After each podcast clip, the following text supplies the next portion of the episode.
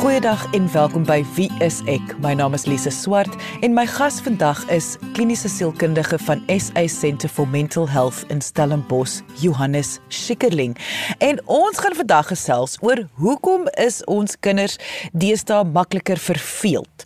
baie meer selfsugtig, baie meer ongeduldig en hoekom het hulle minder vriende? So indien jy voel jou kind het dalk enigsins 'n probleem op enige van hierdie vlakke, sou ek jou aanraai om nader te skuif.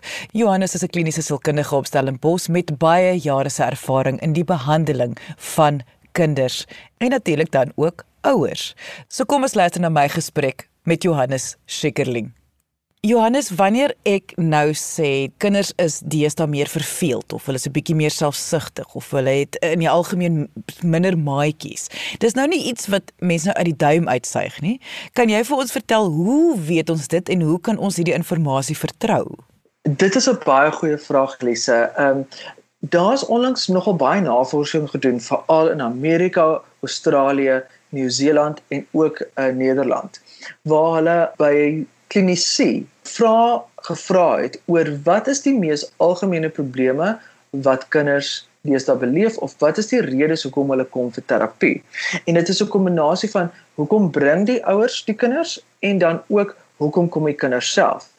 Behalwe nou die tipiese depressie, angs, daai versteurings, is dit die nuwe tendens wat opgetel is wêreldwyd in al hierdie verskillende studies dat kinders nie weet hoe om met verveeldheid om te gaan nie dat hulle baie meer arrogant is is wat ouers natuurlik sê ehm um, en dat hulle oor die algemeen eintlik nie meer ehm um, geduld het nie dat hulle nie meer 'n toleransie het vir vir slegte gevoelens nie.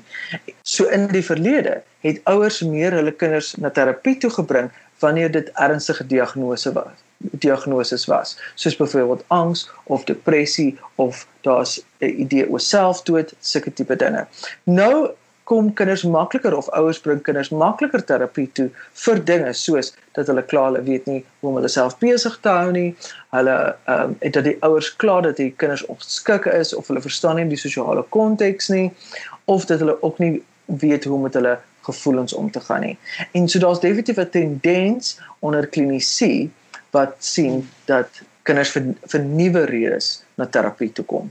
Maar Johannes, wie se skuld is dit? Ek's nou nie seker of mens moet eintlik nou skuld eien aan iets nie, maar daar moes tog iets verander het. Iets moes moet tog gebeur dat dit nou so is.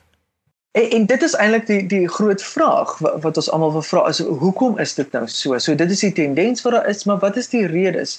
En, en ons sien daar's twee groot uh, redes op die oomblik hoewel navorsing nog besig is om dit uit te klaar, is ons eintlik nie heeltemal seker daaroor nie, maar daar's twee tendense wat wat ons dink. Een is dat die samelewing so vinnig verander het te danke aan tegnologie dat ons as 'n samelewing op gedragsvlak nie byhou nie. Met ander woorde, kinders word aan goeders blootgestel waarvoor ons ouerskap of praktiese vaardighede nog nie daar is nie. Uh, en dan en dan volg ons die hele tyd terug sodat ons daar ons haal in. Ons is nie reg vir dinge nie. Terwyl in vroeë jare toe die samelewing baie stadiger ontwikkel het, toe kan ons altyd een voorwees. Ons kan altyd, jy weet, voorbereidings gemaak het daarvoor of as 'n gemeenskap was ons reg daarvoor vir as daar nagevolge is. En dit was so dit was ook 'n stadiger pas. So omdat dit so geweldige vinnige pas is en as ons dink selfs in die laaste 10, 20 jaar eh, of selfs wanneer TV in die huis ingekom het, dit het so vinnig verander. Dit was radio, dit toe sit skielik televisie. Nou is dit 'n ding wat jy in jou va hand vashou. Jy weet nou is pornografie op uh, beskikbaar op elke uh, jy weet selfs die selfoon. Ek meen die eerste selfoon kon nie op internet gaan nie en nou kan 'n kind iets verkeerd in Google intik en en kry hulle iets verskrikliks uh, waarna hulle blootgestel word. En ons as 'n samelewing is nie reg daarvoor nie. As ons reg was het ons sulke goeders, jy weet, dit is ons ehm uh, dit gekeer of of ten minste goeders in 'n plek gesit. So dit kom altyd agterna. So dit is een van die van die redes is dat ons samelewing of die ontwikkeling tegnologie is so vinnig groeiend dat ons altyd uh, moet inhaal dat ons nie reg is daarvoor voordat eintlik op ons op ons voorstoep is nie.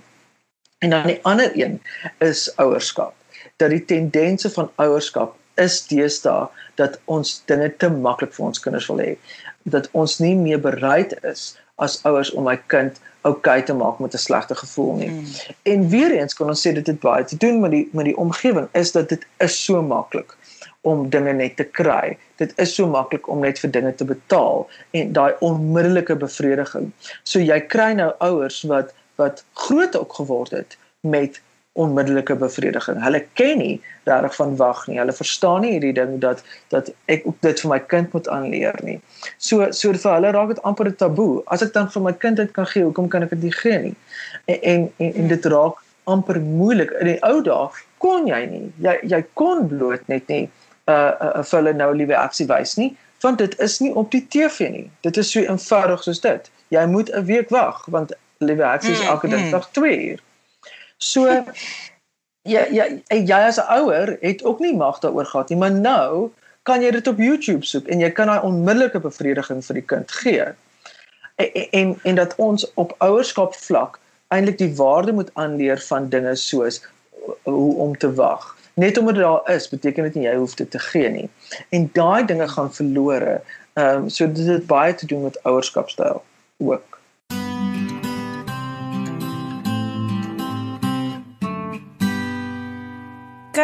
Wat jy wel sê is dat dit is wat dit is.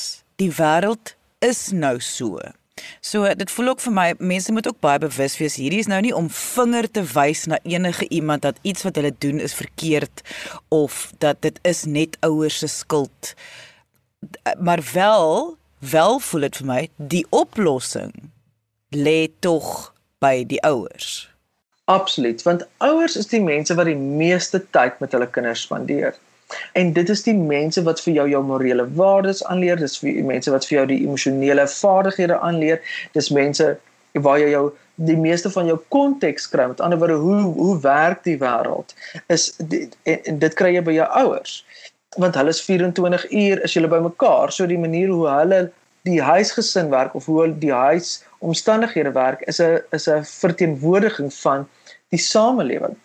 En dit is ouers se plig So dit die onus lê baie sterk op ouers, maar dit beteken nie dat hulle noodwendig die vaardighede het nie. En selfs ons as klinisi sukkel ook om om om jy weet presies te weet wat is die impak van sekere goeders. Dis hoekom mense baie kontroversiële dinge kry. Jy weet sekere uh klinisi sê dit is goed vir jou kind om TV te kyk. Anders sê weer dis nie goed vir jou kind om TV te kyk nie. Anders sê dis goed vir 10 ure, anders sê geen ure. Jy weet daar's daar's omdat dit nog nie feitelik bewys is nie. Ons het nog eers data nodig. Ons moet eers dit laat gebeur en dan kan ons sien wat is gesond al dan nie. Maar um, op 'n ouerskap vlak wat lekker is daarvan is dat jy ken jou kind en jy sien wat hou hom wakker in die nag. En jy sien wat gee hom slapelose nagte. En jy sien wat gee hom nagmerries. En jy sien hoe gaan hy om met sy vriende. En jy sien of miskien maak ek die aanname jy sien jy is veronderstel om te sien as 'n ouer wat daar aangaan.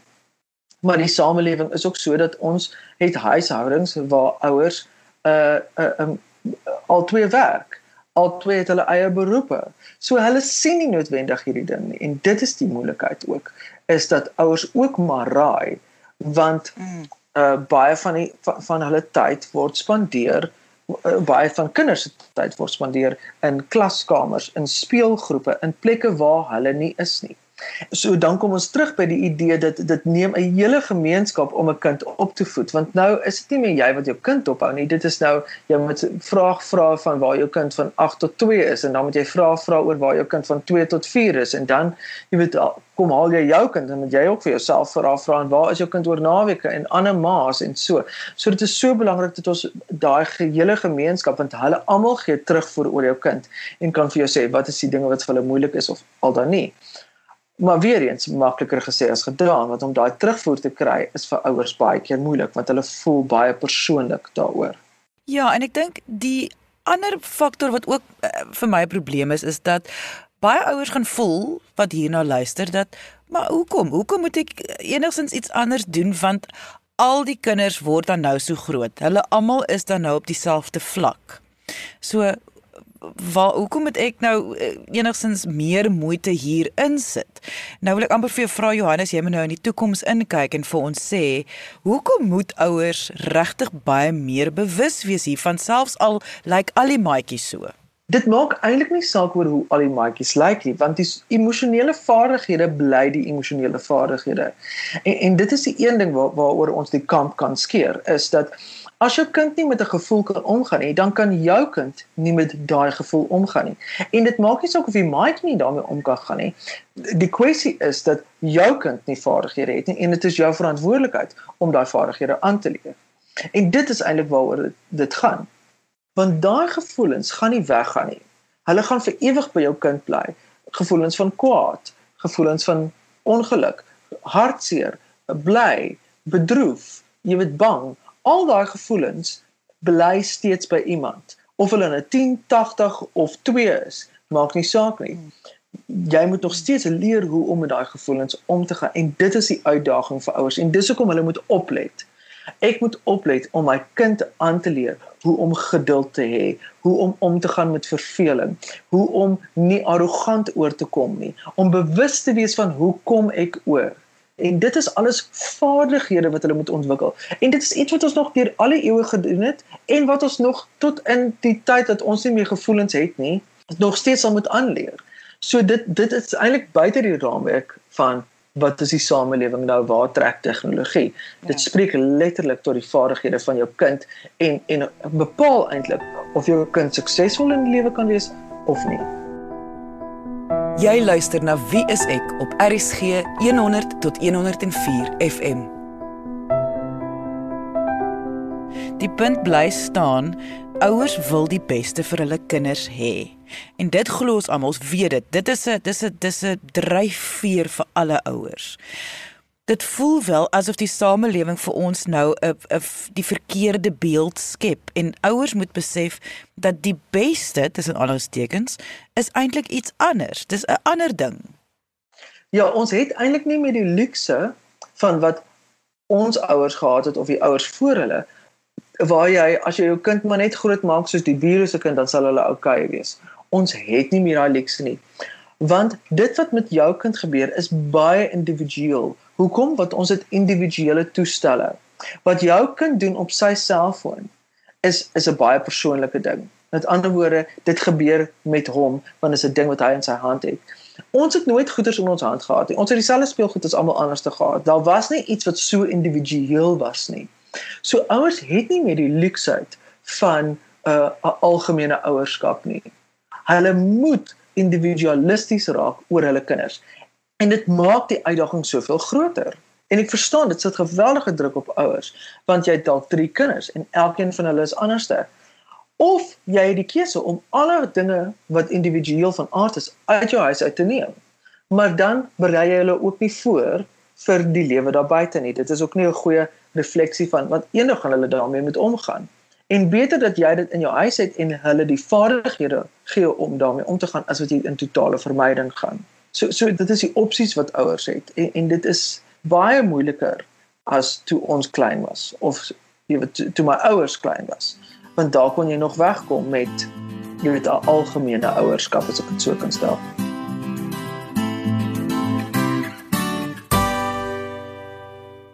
Indien jy nou eers ingeskakel het en graag die volledige episode wil luister, kan jy die pot gooi op RSG gaan luister. Gaan na rsg.co.za en klik op pot gooi en kies wie is ek van die lys wat verskaf word. Maar kom ons luister nou eers verder na my gesprek met Johannes Schikkerling oor hoe kinders anders is vandag en is dit positief of is dit negatief? Johannes, in die eerste helfte van die gesprek het jy verwys na die verskillende ouerskapstyle wat ons tans kry.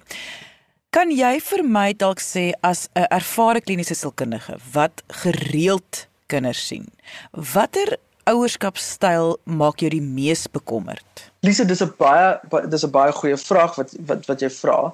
En dis nie noodwendig 'n styl nie, maar die tendens wat my die meeste bekommerd maak is die een waar ouers wil vermy dat hulle kinders enige negatiewe ervaring het of enige negatiewe gevoelens mag ervaar. Die rede hoekom dit so gevaarlik is, is dat hulle help nie hulle kinders om voor te berei vir die samelewing nie. Hulle help nie hulle kinders om voor te berei vir hulle self nie. Want daai gevoelens bly en hoe vinniger jy jou kind help om met daai gevoelens om te gaan, hoe beter is hulle vaardighede. En en baie ouers dink hulle help deurdat hulle kinders die die wêreld makliker maak vir hulle kinders. En dis daai tipe uh, grasnyer ouers. Jy weet hulle gesny al die gras vir die kindjie op die gras mag loop of buite mag wees. Of hulle hulle uh, skep hierdie totale onrealistiese uh wêrelde waar alles fantasties is en alles is wonderlik en niks gaan fout nie. En as iets fout gaan, dan word iemand blameer. As hulle 'n partytjie iewers hou en iets gaan fout, dan word die eienaar van die partytjie plek geblameer. En, en, en dit is 'n totale onrealistiese manier van kinders grootmaak. Jy skep vir hulle eintlik 'n baie gevaarlike wêreld waar hulle 'n verwagting gaan hê dat dit is hoe die wêreld werk. Die wêreld moet perfek gaan. Die wêreld mag nie foute hê nie. En ons weet, dit is absoluut nie waar nie. As daar een ding is wat ons 'n waarborg oor het, is dat dinge verkeerd gaan gaan. Ek kan jou waarborg dat 'n kind gaan hartseer wees. Ek kan jou waarborg dat jy iewers gaan kwaad wees. Ek kan jou dit is waarborge wat ek kan gee. Is jy gaan al hierdie gevoelens ervaar. Maak nie saak hoe perfek die wêreld is nie. Jy gaan hierdie gevoelens ervaar. En beter die ouer wat toelaat dat hulle kinders in 'n nie perfekte wêreld groot word, waar hulle wêreld word groot word waar daar uitdaging is, waar daar konflik is, waar al hierdie moeilikhede is en hulle dan help om met hierdie dinge om te gaan in plaas van 'n perfekte wêreld. In jou baie goeie intensie doen jy soveel skade.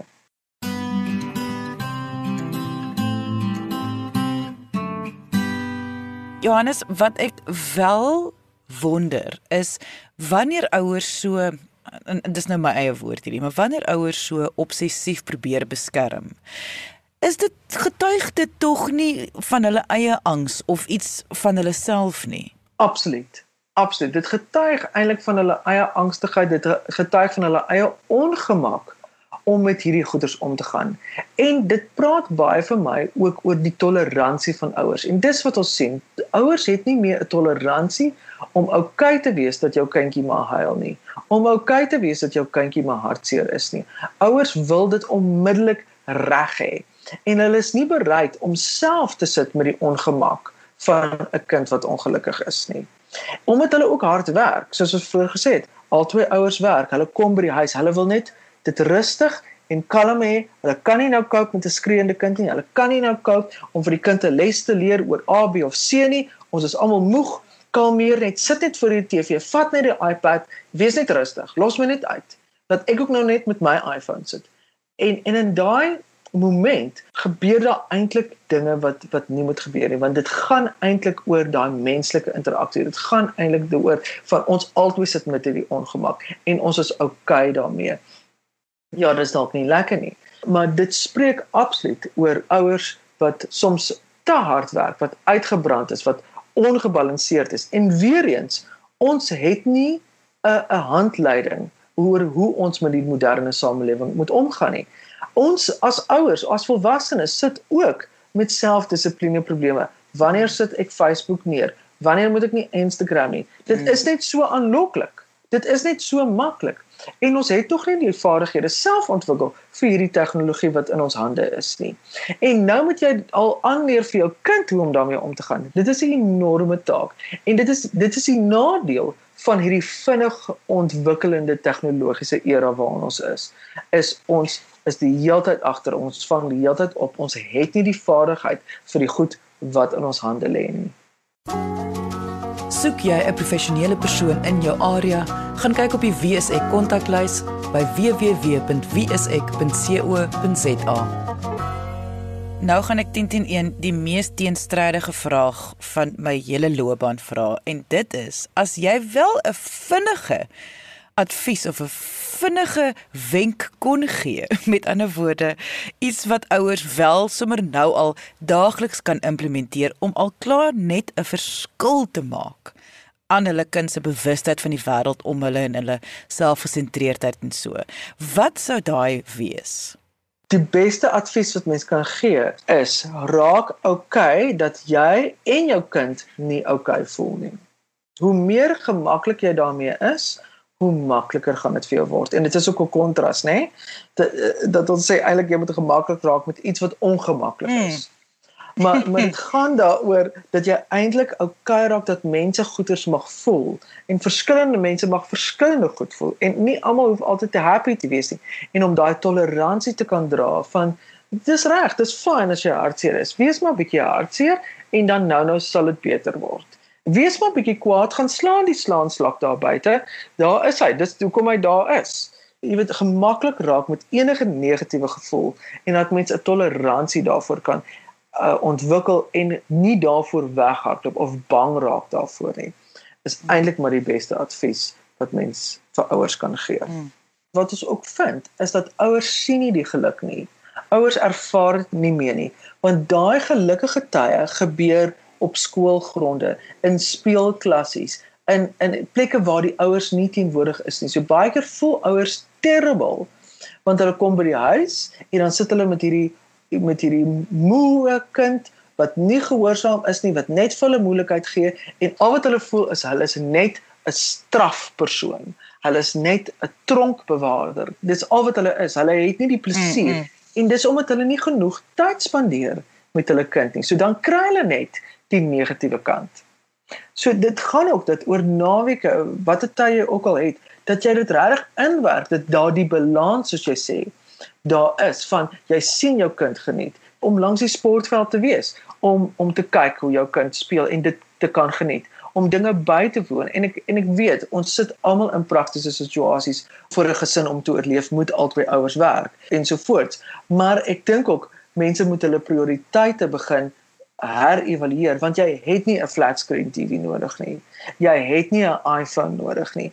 Jy het nie dit dis alles dinge wat ons in die samelewing dink is normaal om te hê en dit is eintlik nie basiese benodighede nie. Dis luksus. En en jy moet weet jy betaal 'n prys vir daai luksus. En die prys is nie net geldelike prys nie, maar ook dat as jy daai TV in die huis het, dan veroorsaak dit dat almal in die gesin nie meer tyd spandeer saam nie. Hulle almal kyk na 'n skerm. En dis nie weer eens nie alles of niks nie, maar jy as as 'n gesin, jy's 'n ouer paar, jy's 'n ouer moet besluite neem oor wat is vir jou belangrik en wat dan nie. Jy luister na Wie is ek op RCG 100 tot 104 FM. Johannes voor ons afsluit, is daar wel miskien soos 'n toets of iets wat ouers wel net kan kyk is my kind dalk 'n bietjie te selfgesentreerd of te maklik verveeld of so. Waarna kan ouers wel net uitkyk om te besef dat miskien moet daar 'n paar veranderinge gemaak word? Die toets wat ek baie keer gebruik in 'n speelkamer is om grappies met 'n kind te maak. Jy weet net iets wat jy sê, o, dit gaan gebeur, sodat jy net kyk wat is die emosionele reaksie daarvan.